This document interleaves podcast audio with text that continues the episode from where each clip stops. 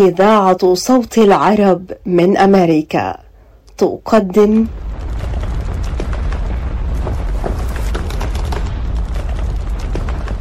عندما تثور الأرض.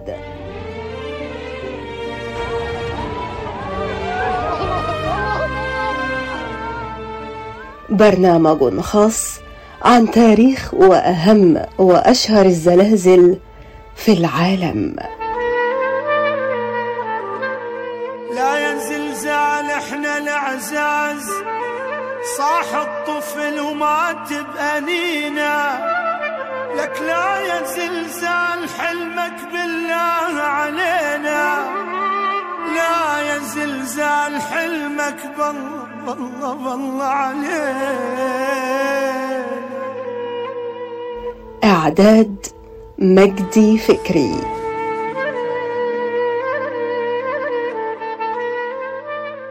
تقديم فرح الأعصر تنازيه نوفل صوفيا حاتم هناء صبحي سندى بالهادي عبد القادر رايس محمد صبري.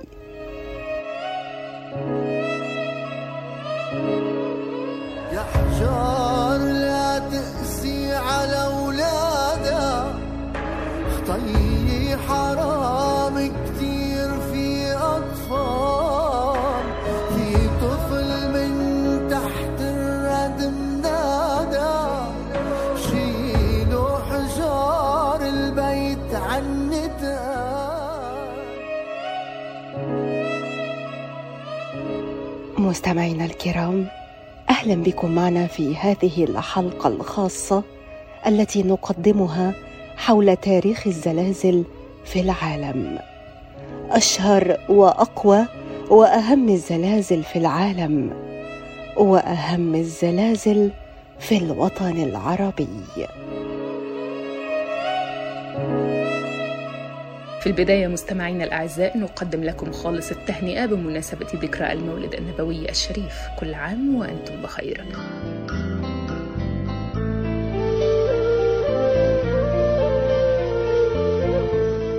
الزلازل أو الهزة الأرضية هي ظاهرة طبيعية وهو اهتزاز مفاجئ وسريع للأرض في وقت لا يتعدى ثوان معدودة. بسبب تحرك طبقة الصخور تحت سطح الأرض أو بسبب نشاط بركاني أو نتيجة لوجود انزلاقات في طبقات القشرة الأرضية. ويسمى مركز الزلزال البؤرة. يتبع ذلك ارتدادات تدعى أمواج زلزالية. وتحدث الزلازل فجأة بدون سابق إنذار. ويمكن أن تحدث في أي وقت كما يمكن تؤدي إلى وقوع وفيات وإصابات وأضرار في الممتلكات وفقدان المأوى وسبل العيش وتعطيل البنية الأساسية الحيوية.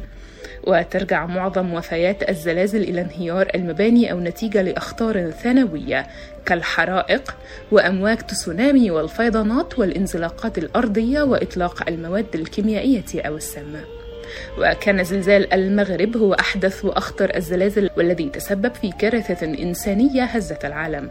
قد ألحق أضرارا بنحو 2930 قرية يسكنها 2.8 مليون نسمة في جبال الأطلس الكبير. وأدى إلى مصرع 2862 بينما بلغ عدد الجرحى 25621 ولذلك نقدم لكم اليوم هذه الحلقة الخاصة عن الزلازل في الوطن العربي وفي العالم. زلزال اللي مر علينا أخذ أحبابنا معه. دخيلك يا رب الكون نشفوا دمعات عينينا. بلادي ما إلها حدا بس إلها الله كافلها. رح يجبر خاطرها بيوم يندم يلي زعلها. زلزال اللي مر علينا أخذ أحبابنا معه. دخيلك يا رب الكون نشفوا دمعات عينينا. بلادي ما إلها حدا بس إلها الله كافلها. رح يجبر خاطرها بيوم. يندم يلي زعلها. في بداية هذه الحلقة نوافيكم بأهم أنباء الزلازل على مستوى العالم من خلال نشرة أخبار الزلازل التي تقرأها علينا الزميلة هناء صبحي.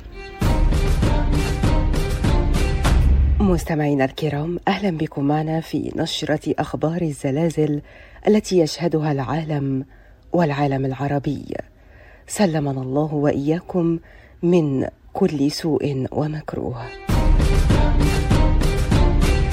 ونبدأ نشرتنا هذه من المحيط الهادئ حيث ضربت هزة أرضية بقوة 4.7 درجات على مقياس ريختر ضربت جزر سليمان التي تقع في جنوب المحيط الهادئ أول أمس الثلاثاء. جاء ذلك وفق ما رصدته هيئة المسح الجيولوجي الأمريكي ولم يتم رصد وجود أي خسائر بشرية أو مادية نتيجة الهزة الأرضية.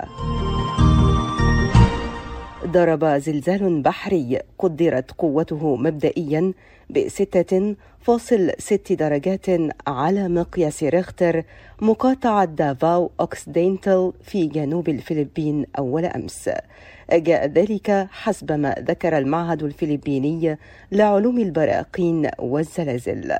وأفاد المعهد أن الزلزال التكتوني المنشأ سيؤدي إلى حدوث هزات ارتدادية لكنه لن يسبب أضرارا مضيفا أنه لن يكون هناك تهديد للفلبين بحدوث موجة مادية تسونامي. ضرب زلزال بلغت قوته 4.5 درجات على مقياس ريختر أمس باباو غينيا الجديدة. وأفادت هيئة المسح الجيولوجي الأمريكية بأن مركز الزلزال كان على بعد 91 كيلومترا شرق مدينة كوكوبو وعلى عمق 10 كيلومترات. ضرب زلزال بقوة 4.2 درجة حقلا بركانيا قرب مدينة نابولي الإيطالية في وقت مبكر من صباح الأربعاء. في أقوى هزة أرضية في تلك المنطقة منذ نحو أربعة عقود. لكن السلطات الإيطالية قالت إن الهزة لم تتسبب في أضرار على ما يبدو. تسببت الفيضانات العارمة في ولاية خاليسكو الواقعة غرب المكسيك تسببت في مصرع سبعة أشخاص على الأقل وفقدان تسعة آخرين وتسببت مياه الفيضانات والأمطار الغزيرة أيضا في إلحاق الضرر بالطرق والمنازل. وقد تمكن رجال الإطفاء والصليب الأحمر وأفراد فرق الطوارئ من إنقاذ ثلاثة أشخاص. أعلن معهد المغرب للجيوفيزياء عن تسجيل هزة أرضية بلغت قوتها 2.7 درجات على مقياس ريختر الثلاثاء. وحدد المعهد مركزها في إحدى المناطق التابعة لإقليم الحسيمة. وأوضح البيان أن هذه الهزة سجلت على عمق 21 كيلومترا وقد شعر بالهزة سكان بعض المناطق القريبة من مركزها. أعلن مرصد الزلزال الأردني تسجيل هزة أرضية بقوة 3.3 درجات على مقياس ريختر الأربعاء. كان ذلك في وادي الأردن جنوبي بحيرة طبرية ووقعت الهزة على عمق 12 كيلومترا وتعد من الهزات الضعيفة والتي تتوافق مع الواقع الزلزالي في الأردن. قال عمر هلال رئيس الوفد المغربي أمام الجمعية العامة للأمم المتحدة إن بلاده دخلت الآن في مرحلة إعادة التأهيل والإعمار للمناطق المنكوبة بكارثة الزلزال وعبر رئيس الوفد المغربي في ختام ندوات الجمعية العامة للأمم المتحدة عبر عن شكره وامتنانه لكل من تضامنوا ووقفوا مع المغرب على إثر كارثة الزلزال. شكرا لكم مستمعينا الكرام. أعد لكم هذه الفقرة الإخبارية مجدي فكري وقرأتها عليكم هناء صبحي. دمتم بكل خير.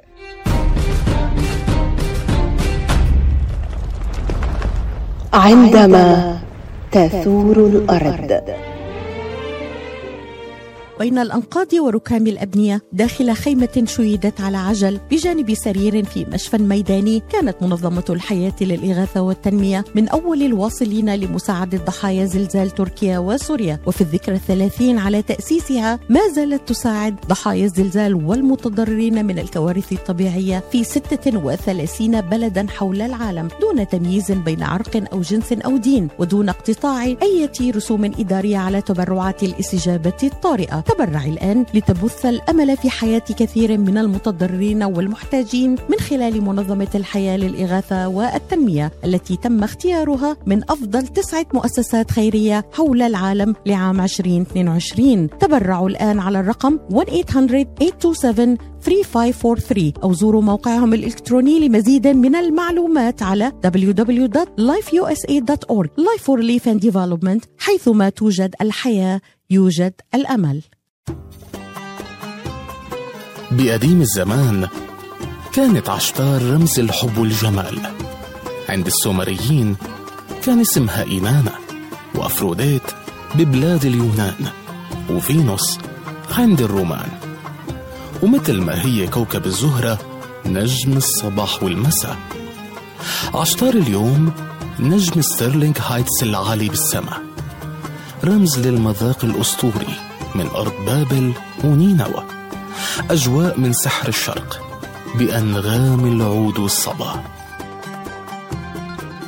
عشتار مطعم أهل البيت والخطار. 3625 Mile Road في مدينة ستيرلينغ هايتس هاتف 586-698-2585 هل تعاني من آلام في المفاصل أو العظام؟ هل جربت الأدوية دون فائدة؟ هل تفكر في إجراء عملية؟ انتظر الحل لدى مركز توب ريهاب للعلاج الطبيعي جهاز سوفت ويف علاج جديد غير جراحي يستخدم الموجات فوق صوتية لتحفيز الجسم على بدء عملية الشفاء وتوليد أنسجة جديدة في مجالات جراحة العظام الكسور العناية بالجروح وعلم الجمال دون جراحة أو تخدير وقت علاج قصير نتائج سريعة طويلة الأمد تستخدمه العديد من المراكز البحثية الطبية والرياضية الرائدة في أمريكا. الآن حصريا في ميشيغان لدى مركز توب ريهاب للعلاج الطبيعي. احجز جلسة تقييم شامل لحالتك بواسطة جهاز سوفت ويف وبرسوم رمزية. اتصلوا الآن على 313-846-0555 توب ريهاب physical therapy بإدارة أخصائي العلاج الطبيعي الدكتور محمد فرح حسين بخبرة أكثر من 20 عاما. اتصلوا الآن واحجزوا 313-846-0555 عندما تثور الأرض. والآن نقدم اللقاء التالي عن الزلازل حول العالم مع الأستاذ الدكتور شريف الهادي أستاذ ورئيس قسم الزلازل بمعهد البحوث الفلكية والجيوفيزيائية في مصر حيث يتناول اللقاء الذي أجراه معه الزميل المجد فكري عددا من الموضوعات الهامة التي ترتبط بالزلازل.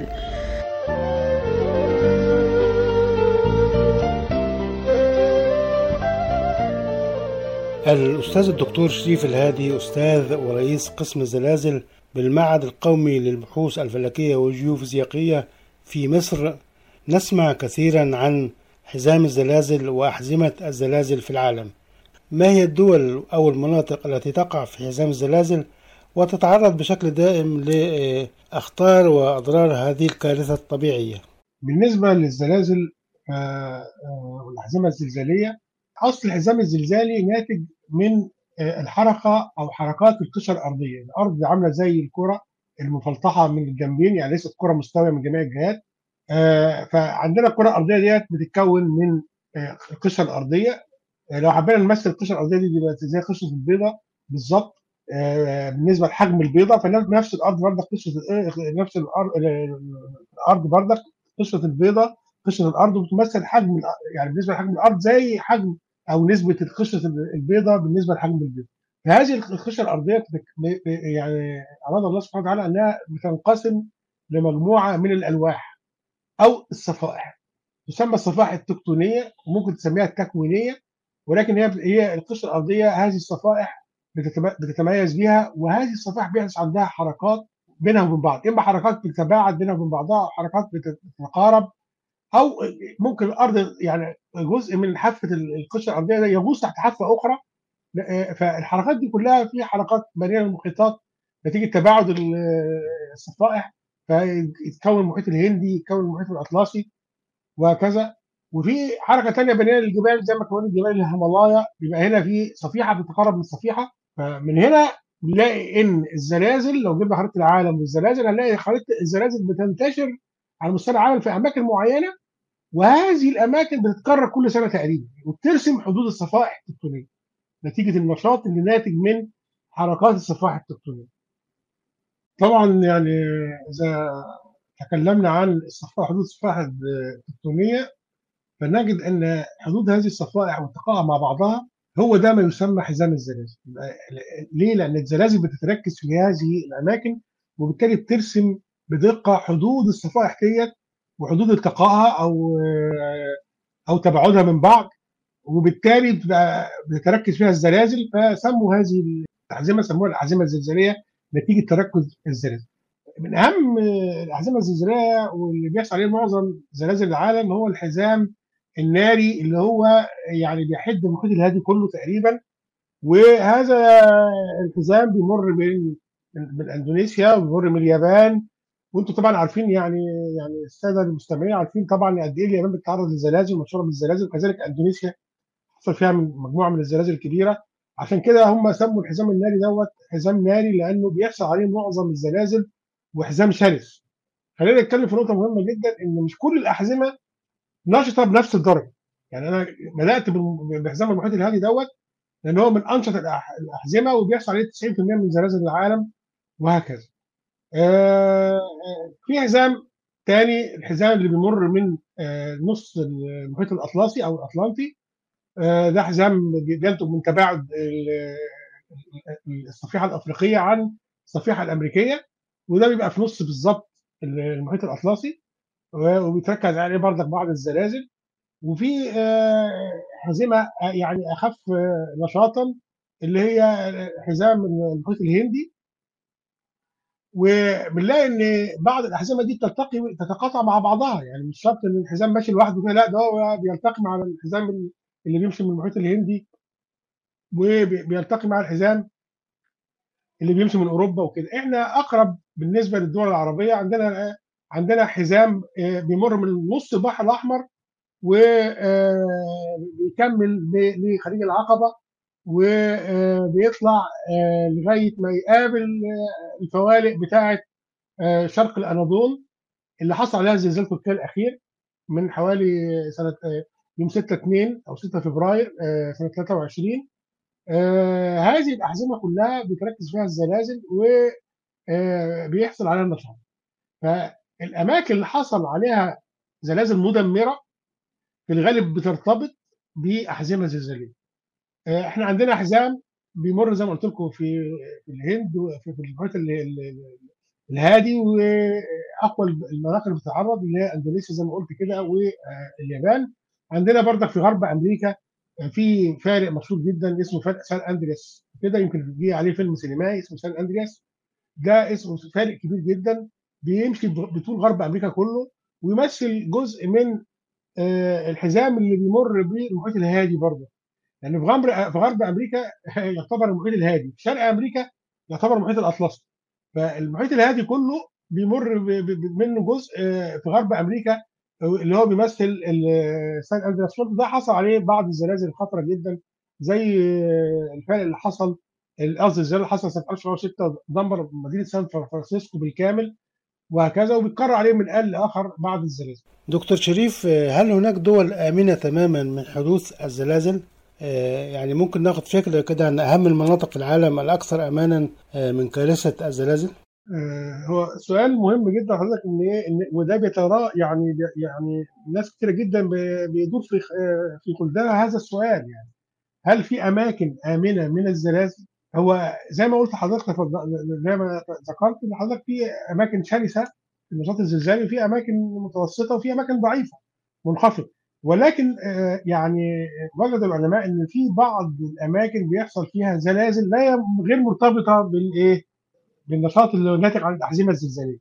زي إيه؟ زي الأماكن اللي بيحصل فيها سدود وهذه السدود بتبقى بينشأ عنها بحيرات ضخمة وراها خلفها وبعد فترة من الزمن بعد ما الخزان الجوفي اللي هو بتاع البحيرة يتملي تماما بيكون إيه أدى إلى إيه؟ إلى وجود ارتباك في آه، سلوك الأرض نتيجة تقل هذه البحيرة الكبير على القشرة الأرضية وبالتالي ممكن يعمل إثارة أو استثارة للفوالق النشطه اللي موجودة في هذا المكان أو يؤدي إلى ضغوط زيادة أو حمل زائد على الأرض فيسبب آه، بعض الزلازل فآدي هو مكان ملوش علاقة بال- بالأحزمة الزلزال اللي بيحصل فيه زلازل معظم المجمل إن الزلازل اللي بتحصل نتيجة اللي هي المستحثه اللي بتيجي نتيجه فعل الإنسان عمرها ما بتوصل لخطورة الزلازل اللي بتحصل عند الأحزمة الزلزالية. دكتور شريف الهادي كيف يتم التنبؤ بالزلازل؟ وما هي نسبة الخطأ والصواب فيها؟ وما هو الفرق بين التنبؤ بالزلازل وتوقع حدوث الزلازل؟ بالنسبة للتنبؤ بالزلازل آه، آه، آه، يعني هذا العلم يعني كل الناس بتأمله. يعني أنا أنا شخصيا بأمل إن علم التنبؤ بالزلازل ده يبقى واقع ملموس على الأرض لأنه هيريح جدا الناس وهيريح, وهيريح كل يعني الناس اللي في البلاد المختلفة اللي عندها تخوف من الزلازل لأنه هيعرفوا ميعاد الزلزال وقوته ومكانه. يعني ثلاث حاجات مهمة جدا لتنبؤ بالزلزال هي مكان الزلزال قوته وزمن حدوثه. لكن في الواقع جميع الدراسات اللي بدأت بها الدول الأبحاث لم تصل لهذه الدرجة. فهذا العلم يسمى علم التنبؤ بالزلازل في أبحاث؟ آه في أبحاث. وما زالت حتى الآن. ولكن يعني العائد منها لغاية دلوقتي مش عائد. في جزم إن يحصل وكده يعني يعني تنبؤ. طيب إيه العلم الثاني اللي غير التنبؤ؟ علم التوقع.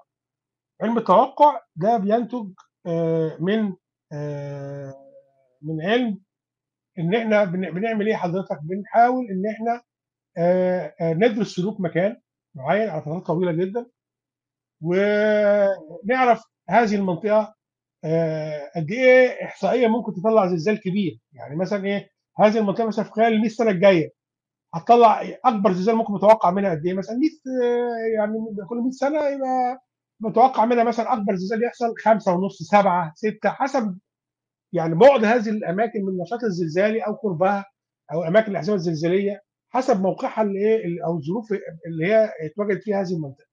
آه هذا هو التوقع آه طبعا آه الآن كل دولة لها يعني كود زلزالي خاص بها هي بيعتمد على النشاط اللي جوه هذه الدولة وبالتالي دي أفضل نتيجة ممكن نستخدمها إن إحنا نأمن الناس من الزلازل عن طريق بناء مباني آمنة للناس. شكرا جزيلا الأستاذ الدكتور شريف الهادي أستاذ ورئيس قسم الزلازل بمعهد البحوث الفلكية والجيوفيزيائية في مصر فجأة إجا زلزال بهالدنيا انتشر غير مصير الحال فيقها البشر فجأة إجا زلزال بهالدنيا انتشر غير مصير الحال فيقها البشر.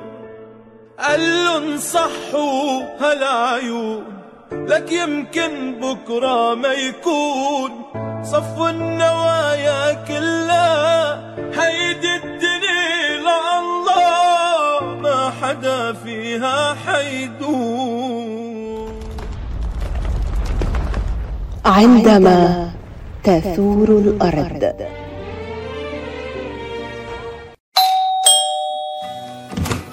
أهلا وسهلا شرفتونا. تفضلوا على الأكل. ما في أحلى من جمعة الحبايب على السفرة بال weekend. wow شو طيب ورق العنب مثل اللي بتعمله ستي. صحتين حبيبتي. والكبة كيف شفتيها؟ مم مثل ما بتعملها ستي. وشو رأيك بالكنافة؟ الكنافة؟ لا مش معقول. كنافة ستي. مأكولات زياد. نكهة الأجداد يتوارثها الأحفاد. خالته فيني أسألك؟ شو طابخة بكرة؟ حكي معونه فهم في العين. وافهم كمان ومن بمثل خبرة الدكتور عماد نقاش أستاذ الطب وجراحة العيون في جامعة وين؟ خبرة طويلة في التعامل مع أمراض العيون وجراحتها عمليات تعديل وتصفية النظر إزالة الماء الأبيض والأسود الجلوكوما وتصحيح النظر من أثار مرض السكر. كادر متخصص ومتدرب لخدمتكم. شعبة متخصصة للنظارات الطبية والهندسة اللاصقة. يقبلون معظم أنواع التأمين الصحي زوروهم في عيادتهم الواقعة على جنار والناين مايل في مدينة هيزل بارك. للمواعيد اتصلوا على 248 336 3937 248 336 3937 أو عيادتهم في راجستر هاوس للمعلومات اتصلوا على 248 299 3937 248 299 3937 عندما تثور الأرض. عن أهم وأشهر وأقوى الزلازل التي شهدتها الولايات المتحدة الأمريكية عبر تاريخها يدور التقرير التالي الذي تقدمه لنا الزميلة نازية نوفل.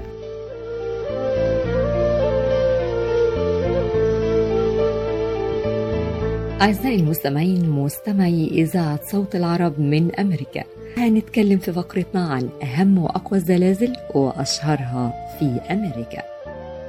وهنرجع لعام 1812 وبالتحديد يوم 7 فبراير. ضربت أقوى سلسلة من الزلازل الكبيرة بالقرب من مدينة نيو مدريد. وفي ذلك الوقت كانت نيو مدريد أكبر مستوطنة على نهر المسيسيبي. وقد أنتجت هذه المنطقة الزلزالية في نيو مدريد سلسلة من الزلازل ومئات من الهزات الارتدادية القوية خلال شتاء 1811 و 1812 بما في ذلك ثلاثة من أكبر الزلازل الأمريكية التي سجلت شرق جبال روكي.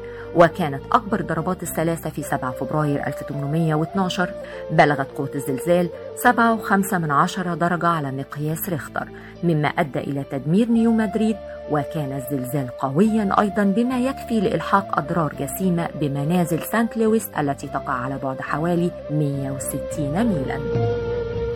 فورت تيجون كاليفورنيا.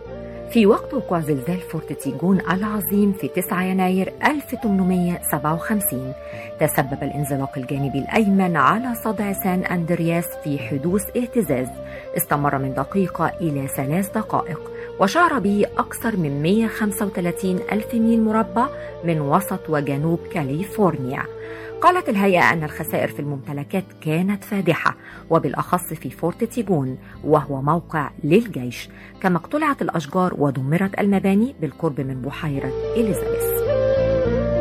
وفي الثالث من مايو 1887 هز زلزال كبير تقدر قوته 7.2 من عشرة درجة معظم جنوب غرب الولايات المتحدة والمكسيك. كان مركز الزلزال جنوب الحدود بين أريزونا والمكسيك في وادي سان برناردينو وعرف بزلزال الفصح. تسبب الزلزال في مقتل 51 شخصا في شمال سونورا بالمكسيك وتدمير كبير للممتلكات في جنوب شرق ولاية أريزونا. ويعد هذا أكبر زلزال معروف تاريخيا أنه تسبب في أضرار في ولاية أريزونا. وأيضا في الأول من أكتوبر من نفس العام تسبب زلزال بدرجة 5.9 من عشرة بمقياس ريختر في انهيار عشرات الجسور بمنطقة لوس أنجلوس. الأسطورة عام 1906 يصنف زلزال كاليفورنيا في 18 إبريل 1906 كواحد من أهم الزلازل في كل العصور وفقا لتقارير هيئة المسح الجيولوجي الأمريكية. وعرف بأسطورة هزة سان فرانسيسكو العظيمة. ففي الساعة 5:12 دقيقة صباحا حدثت هزة أرضية بقوة كافية يمكن الشعور بها على نطاق واسع في جميع أنحاء منطقة خليج سان فرانسيسكو. حيث بدأ الزلزال العظيم بعد حوالي 20 إلى 25 ثانية وكان مركزه بالقرب من سان فرانسيسكو. واستمرت الهزات الارتدادية العنيفة من 45 إلى 60 ثانية.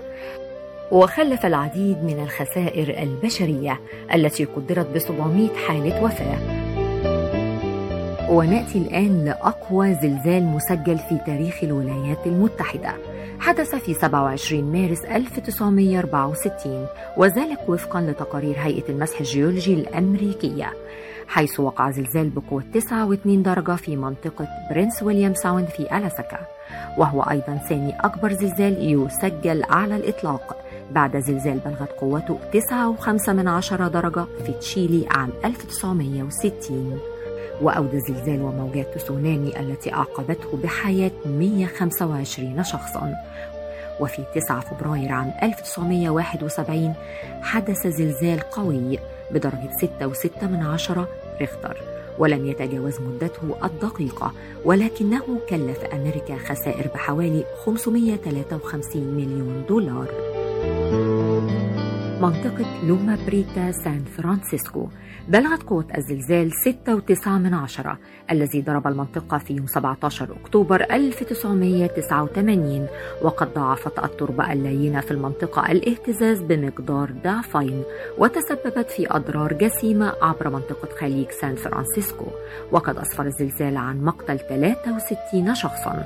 وفي 28 يونيو عام 1992 حدث هزتان بقوة 7.6 من عشرة و6.7 من عشرة درجة بمقياس ريختر. وفي 28 يونيو عام 1992 حدث هزتان بقوة 7.6 من عشرة و6.7 من عشرة درجة بمقياس ريختر. ضرب منطقتين بجنوب كاليفورنيا وتفصل بينهما مسافة 17 ميلا وكانت الأضرار الناجمة بمقدار 100 مليون دولار. وبعد ما يقرب من خمس سنوات من هزة منطقة الخليج جاء دور جنوب كاليفورنيا حيث ضرب زلزال بقوة 6.7 من عشرة سكان منطقة لوس أنجلوس في ساعات ما قبل فجر 17 يناير 1994 قتل الزلزال ما لا يقل عن 57 شخصا وتسبب في خسائر تصل إلى 20 مليار دولار مما جعله أكثر كارثة زلزال في تاريخ الولايات المتحدة من حيث الخسائر المادية. وفي الثامن والعشرين من فبراير عام 2001 اهتزت كل من سياتل وتاكوما وواشنطن بسبب الزلزال العنيف الذي بلغت قوته 6.8 من عشرة درجة وشعر به حتى سكان مونتانا وبلغت الخسائر نحو 2 مليار دولار. وبكده نكون قدرنا نجمع في فقرتنا أغلب وأهم وأشهر الزلازل التي مرت على تاريخ أمريكا. كانت معكم تنازيه نوفل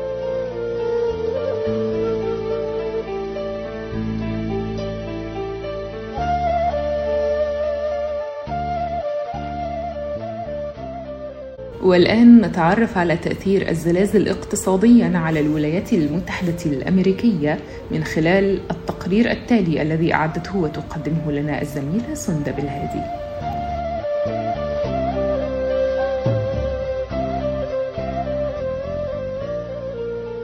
مرحبا بكم. تقرير عن الزلازل الذي ضرب الاقتصاد الأمريكي.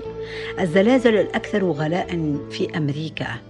كان من المفترض أن يكون يوم 17 يناير من 1994 يوما في طريقها إلى الفيفا مثيرا حيث كانت كأس العالم والعديد من الأحداث الخاصة الأخرى على وشك أن تقام في جميع أنحاء الولايات المتحدة الأمريكية. بالنسبة إلى الناس في لوس أنجلوس يجب أن تذكر هذا التاريخ المحدث في العام بسبب حدث زلزالي كارثي هز المنطقة زلزال نورث ريتش كان وادي سان فرناندو في منطقة لوس أنجلوس بكاليفورنيا مركز الزلزال الذي وقع في تمام الساعة الرابعة ونصف صباحا تقريبا.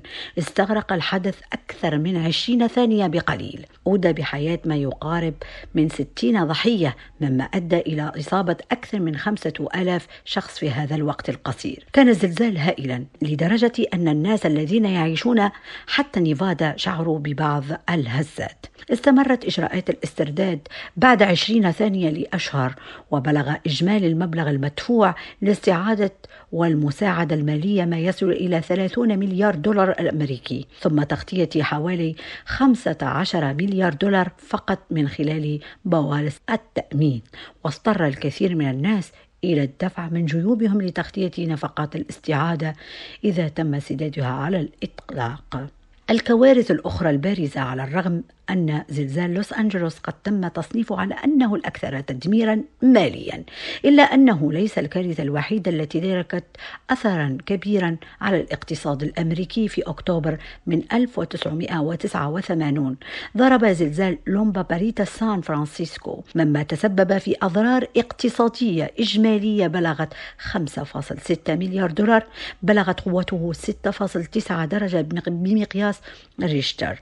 كان ثالث أكبر زلزال مدمر في تاريخ البلاد هو الزلزال الذي وقع في عام 2011 وقد هز سياتل ومجاوره المحيط به. بلغت قوته 6.8 درجة واستمرت الهزات لمدة 45 ثانية وشعرت الهزات البعيدة مثل ولاية إلى خسائر مالية. بلغ نيسكوالي أوريغون أدى زلزال مجموعها 2 مليار دولار. إدارة أفضل الكوارث تأثير اقتصادي أقل. ما يسمونها الولايات المتحدة الأمريكية أقل تضررا اقتصاديا. من المثير للاهتمام أن نشير أن القليل من الزلزال التي وقعت في الفترة من 2000 إلى 2010 قد وضعت على قائمتها من أكثر الكوارث الزلزالية المدمرة في أمريكا. كان حدث عام 2014 في سان فرانسيسكو كاليفورنيا. أحد أحدث الإضافات إلى قائمتها التي تضم أكثر الزلازل المدمرة ماليا. يقدر زلزال جنوب نابا بأنه أكبر زلزال يضرب المنطقة عام 1989 وكان تأثيره على الاقتصاد الأمريكي 700 مليون دولار. يبدو أن السلطات الأمريكية أصبحت تدرك أكثر فأكثر الصعوبات والمخاطر الناجمة عن العوامل الجغرافية والجيولوجية التي تجعل بعض المناطق عرضة للأحداث الزلزالية. الزلازل الأكثر غلاء بالمواقع مثل لوس أنجلوس، سان فرانسيسكو، سياتل، الأمير ويليام ساوند فرانسيسكو كاليفورنيا لوس أنجلوس وسان روبلسون وجزيرة هاواي وجنوب كاليفورنيا. هم الأكثر الضرر الاقتصادي بملايين الدولارات الأمريكية. شكرا لكم على حسن المتابعة والاهتمام. دمتم بخير. صندب الهادي راديو صوت العرب من أمريكا.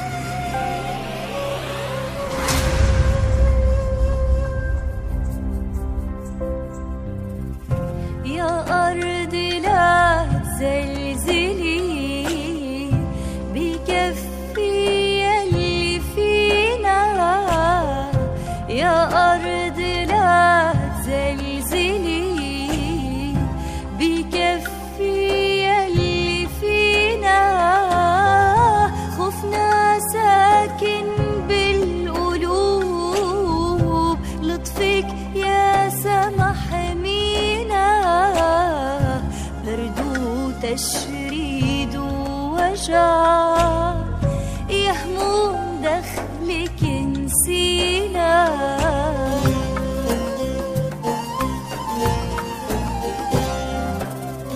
أطفال صغار تحت الحجار وينك يا أمي انقذينا حتى الصبر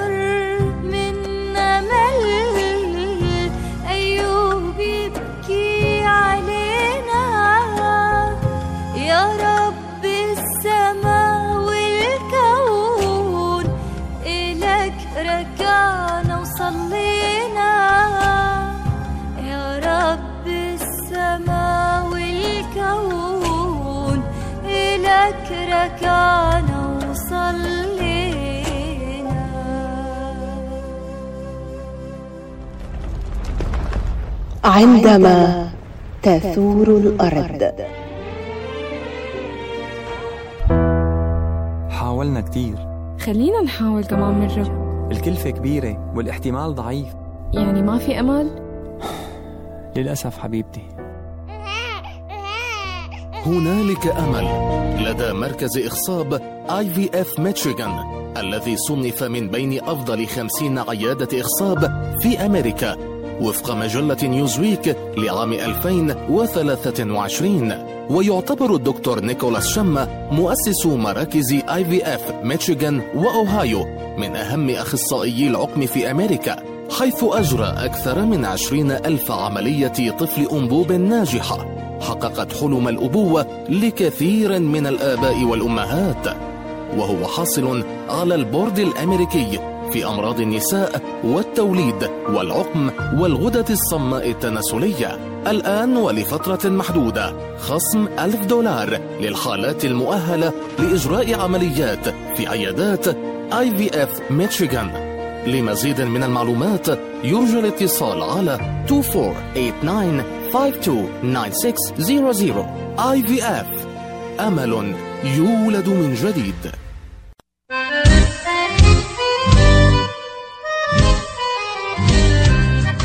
New Concept Products and Design بإدارة نجي عبود هل تحتاج فتح مطعم؟ هل تحتاج فتح محل المواد الغذائية؟ هل تحتاج تصاميم وخرائط؟ اتصل بناجي عبود على الرقم 734-744-9796 هل تريد شراء معدات المطابخ والمطاعم وبأسعار مخفضة وتسهيلات بالدافع؟ اتصل بناجي عبود الآن على الرقم 734-744-9796 خصم 5% عند الشراء ب 75 ألف أو أكثر على كافة المواد. لمزيد من المعلومات زوروا موقعهم الإلكتروني على www.newconceptproducts.com أو زوروهم في موقعهم الجديد. 31185 Schoolcraft in Livonia. ناجي عبود العلامة المميزة في عالم المطابخ. عندما تثور الأرض. الزميل مجدي فكري أجرى اللقاء التالي مع أستاذ الدكتور محمود خيري أستاذ الجيولوجيا بكلية العلوم جامعة الإسكندرية حيث دار اللقاء حول الزلازل وأسباب حدوثها وما هي أحزمة الزلازل والدول العربية الأكثر تعرضا للزلازل. الأستاذ الدكتور محمود خيري أستاذ الجيولوجيا بكلية العلوم جامعة الإسكندرية آه، في البداية اسمح لي حضرتك إن إحنا آه، نعرف الزلازل ما هي الزلازل وأسباب حدوثها وكيف تنشأ أساسا يعني؟ أهلا وسهلا بحضرتك واهلا وسهلا بالساده المستمعين. آه، طبعا هو ال- الزلزال في حد ذاته أو الز- الزلازل هي ظاهرة طبيعية وإحدى الكوارث الطبيعية اللي بتحصل.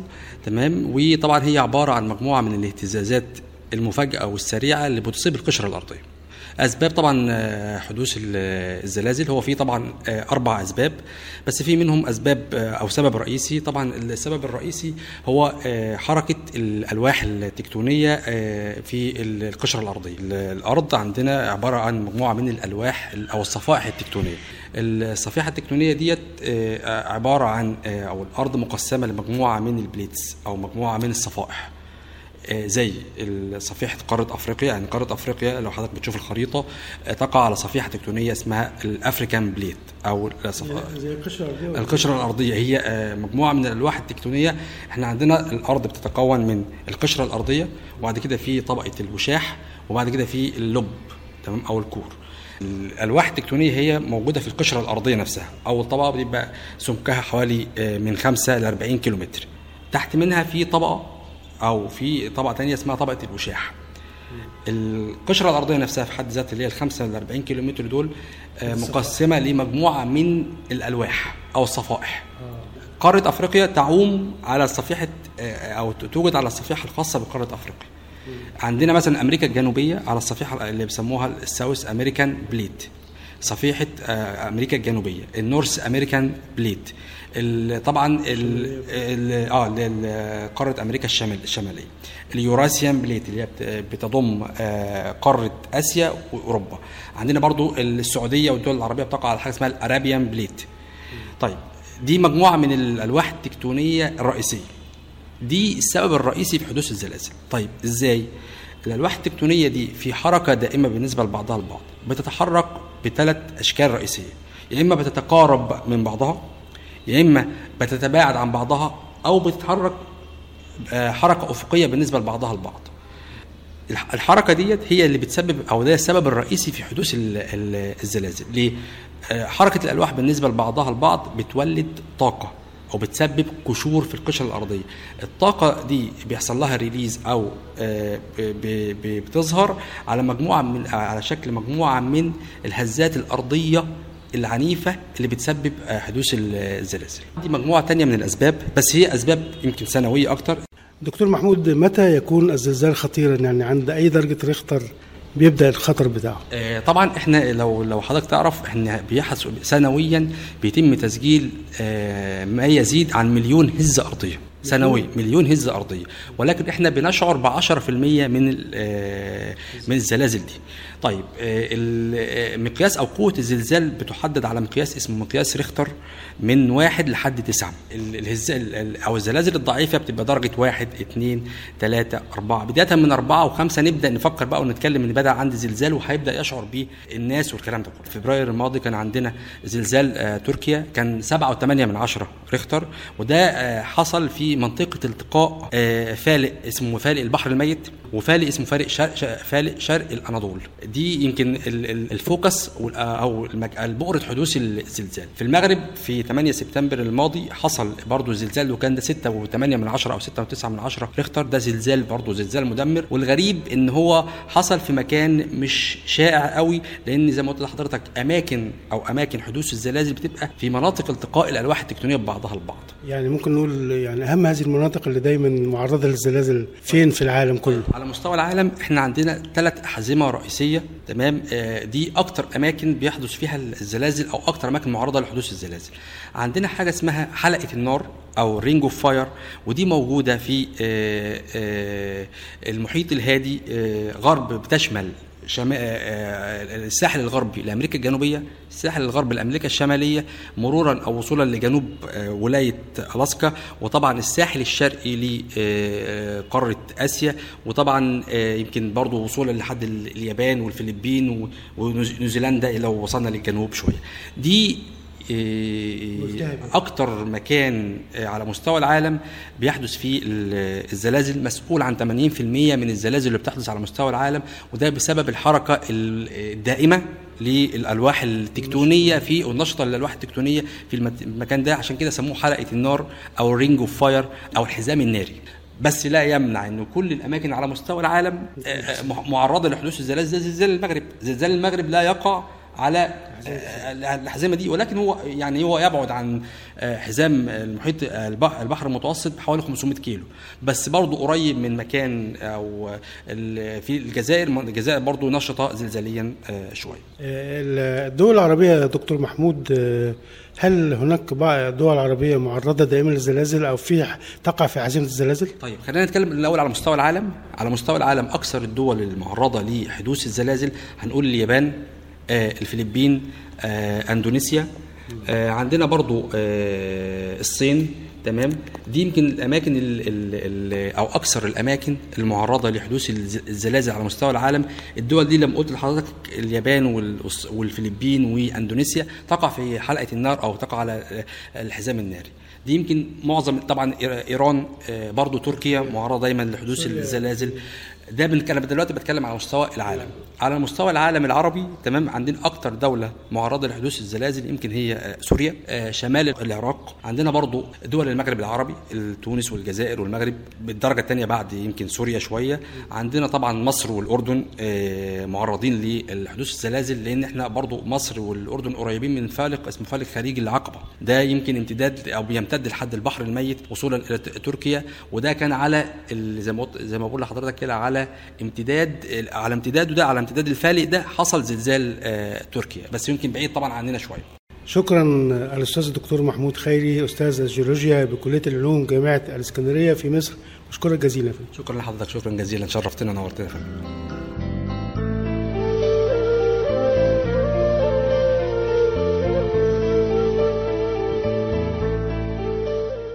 ومن الجزائر يقدم لنا الزميل عبد القادر رايس التقرير التالي عن أهم الزلازل التي تعرضت لها منطقة المغرب العربي زلازل وهزات ارتدادية مدمرة تلك التي ضربت المنطقة المغاربية طيلة قرن من الزمن. الآثار النفسية البالغة لا يمكن محوها نظرا لمشاهد الموت والدمار. مدن وقرى بأكملها كادت أن تسوى بالأرض. عائلات وأسر لقت حتفها تحت الأنقاض. المنطقة المغاربية ظلت ولا زالت منطقة نشاط زلزالي مما يجعلها في خطر دائم هذا وقد سبق أن تعرضت الجزائر والمغرب وتونس وليبيا إلى زلازل قوية ولنبدأ بمدينة الأصنام في الجزائر سنة 1980 والتي خلفت آلاف القتلى ودمارا كبيرا أكثر من 2600 قتيل. وكانت شدة الزلزال آنذاك 7.2 درجة على سلم ريشتر. ترك ذلك الزلزال أثرا في نفوس الجزائريين وخاصة سكان مدينة الأصنام. إذ عاشوا تقريبا عشرين عاما داخل منازل خشبية مجهزة.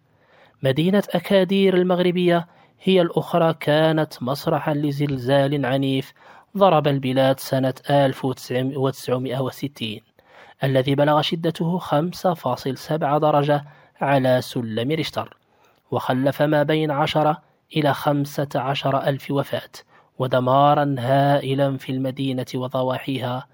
ليأتي بعده زلزال الحسيمة سنة 1994 و2004 بقوة 6 و6.3 درجة على سلم ريشتر. يوم الثامن سبتمبر 2023 كانت المغرب على موعد مع أعنف زلزال يضرب منطقة الحوز بشدة 6.8 درجة على سلم ريشتر. خلف الزلزال أكثر من 2900 قتيل و5500 جريح أما تونس وبالرغم من أنها ليست معرضة لمخاطر الزلازل مقارنة مع الجزائر والمغرب إلا أنها ليست بمنأى عن وقوع هزات أرضية مميتة.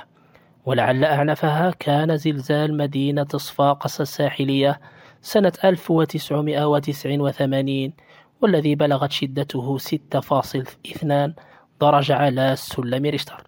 أما ليبيا فليس لها تاريخ دموي مع الزلازل ولعل أن أعنف زلزال هز البلاد. ذلك الذي ضرب مدينة المرج القديمة الواقعة في الجبل الأخضر. مساء الخميس 21 فبراير 1963 من الجزائر كان معكم رايس عبد القادر. حزني عليك ما يفناش يا الصنابيع.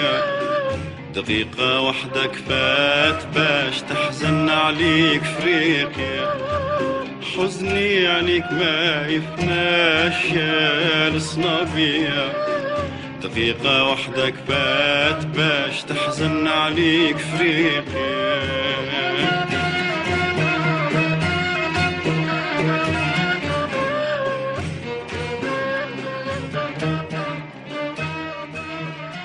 الزميل محمد صبري يقدم لنا من خلال التقرير التالي أقوى وأعنف عشرة زلازل شهدتها العالم خلال السنوات الماضية.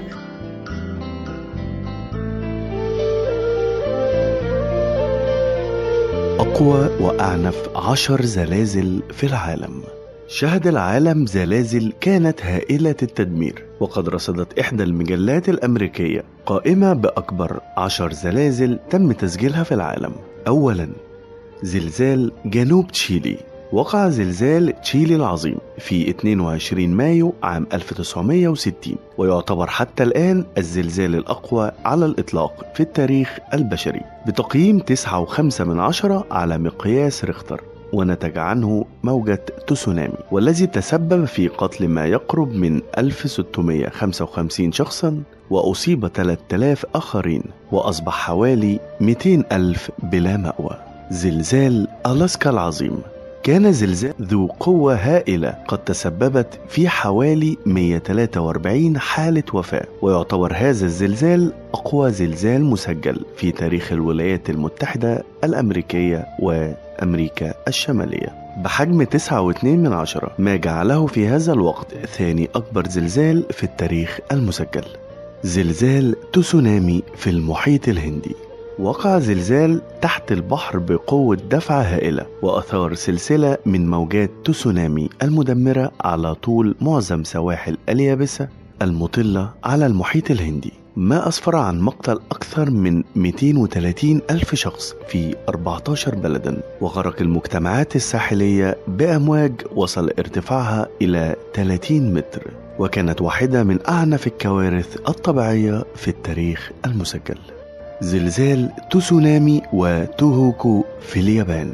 بلغت قوة زلزال شرق اليابان الكبير حوالي 9.3 من 100 ميجا وات وهو زلزال ذي قوة دفع هائلة قبالة سواحل اليابان. وهذا الزلزال هو الأكبر على الإطلاق في اليابان وتسبب في مقتل ما يقدر بحوالي 15870 شخص كما تضررت بعض المفاعلات النووية. زلزال روسيا. زلزال روسيا والمسجل بحوالي 9 ريختر. استمر الزلزال لمدة 17 دقيقة وأسفر عن تسونامي واسع ما تسبب في الكثير من الدمار والخسائر في الأرواح. زلزال مولي البحري في تشيلي. وقع زلزال تشيلي قبالة ساحل وسط تشيلي في 27 فبراير عام 2010 وبلغت قوته 8.8 من عشرة مع شدة اهتزاز دامت لمدة 3 دقائق وتسبب في خسائر بشرية قدرت بحوالي 525 قتيلا. زلزال الإكوادور وكولومبيا. وقع زلزال الإكوادور وكولومبيا في 31 يناير عام 1906 وبلغت قوته 8.8 من عشرة وأثار موجة مد مدمرة تسببت فيما لا يقل عن 500 إلى 1500 قتيلا. زلزال جزر الفأر في ألاسكا. كانت ألاسكا أصبحت ولاية منذ سبع سنوات فقط عندما تسبب هذا الزلزال الضخم في تسونامي بارتفاع أكثر من 30 قدم. وعلى الرغم من حجمه تسبب الزلزال في أضرار طفيفة. نظرا لموقعه البعيد. ووقع الزلزال في 4 فبراير عام 1965 وكانت شدته 8.7 من عشرة بمقياس ريختر. زلزال شمال سومطرة في إندونيسيا. وقع زلزال سومطرة في 28 مارس عام 2005 واندلع الزلزال تحت سطح المحيط الهندي. وأسفر عن مقتل ما يقرب من 1300 شخص. زلزال ولاية آسام في التبت في عام 1950 ضرب زلزال بلغ قوته 8.6 من عشرة. ولاية آسام في منطقة التبت وحدثت انهيارات أرضية كبيرة. ما أسفر عن مقتل 780 شخصا على الأقل وإصابة الآلاف وتدمير العديد من المباني. وبكده يكون نهاية تقريرنا النهاردة. مع تمنياتنا للجميع بدوام الأمان والعافية من أي مكروه. وعزائنا لكل ضحايا الوطن العربي وتمنياتنا للمصابين بالشفاء العاجل. شكرا لاستماعكم. كان معكم محمد صبري.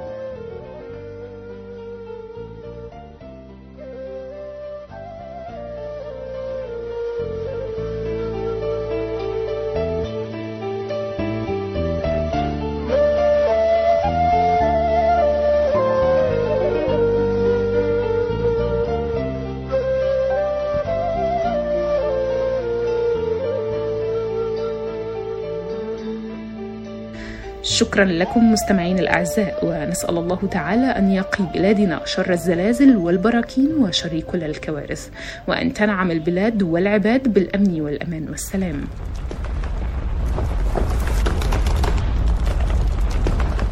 عندما تثور الأرض.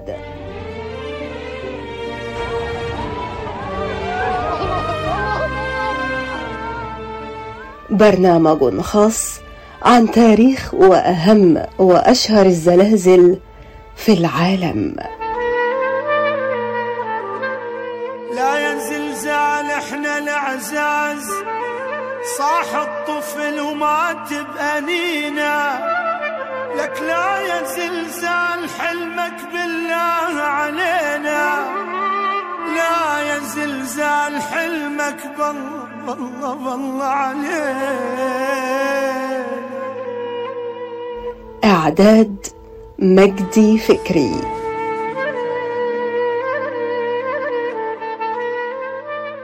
تقديم فرح الأعصر تنازيه نوفل صوفيا حاتم هناء صبحي سندى بالهادي عبد القادر رايس محمد صبري.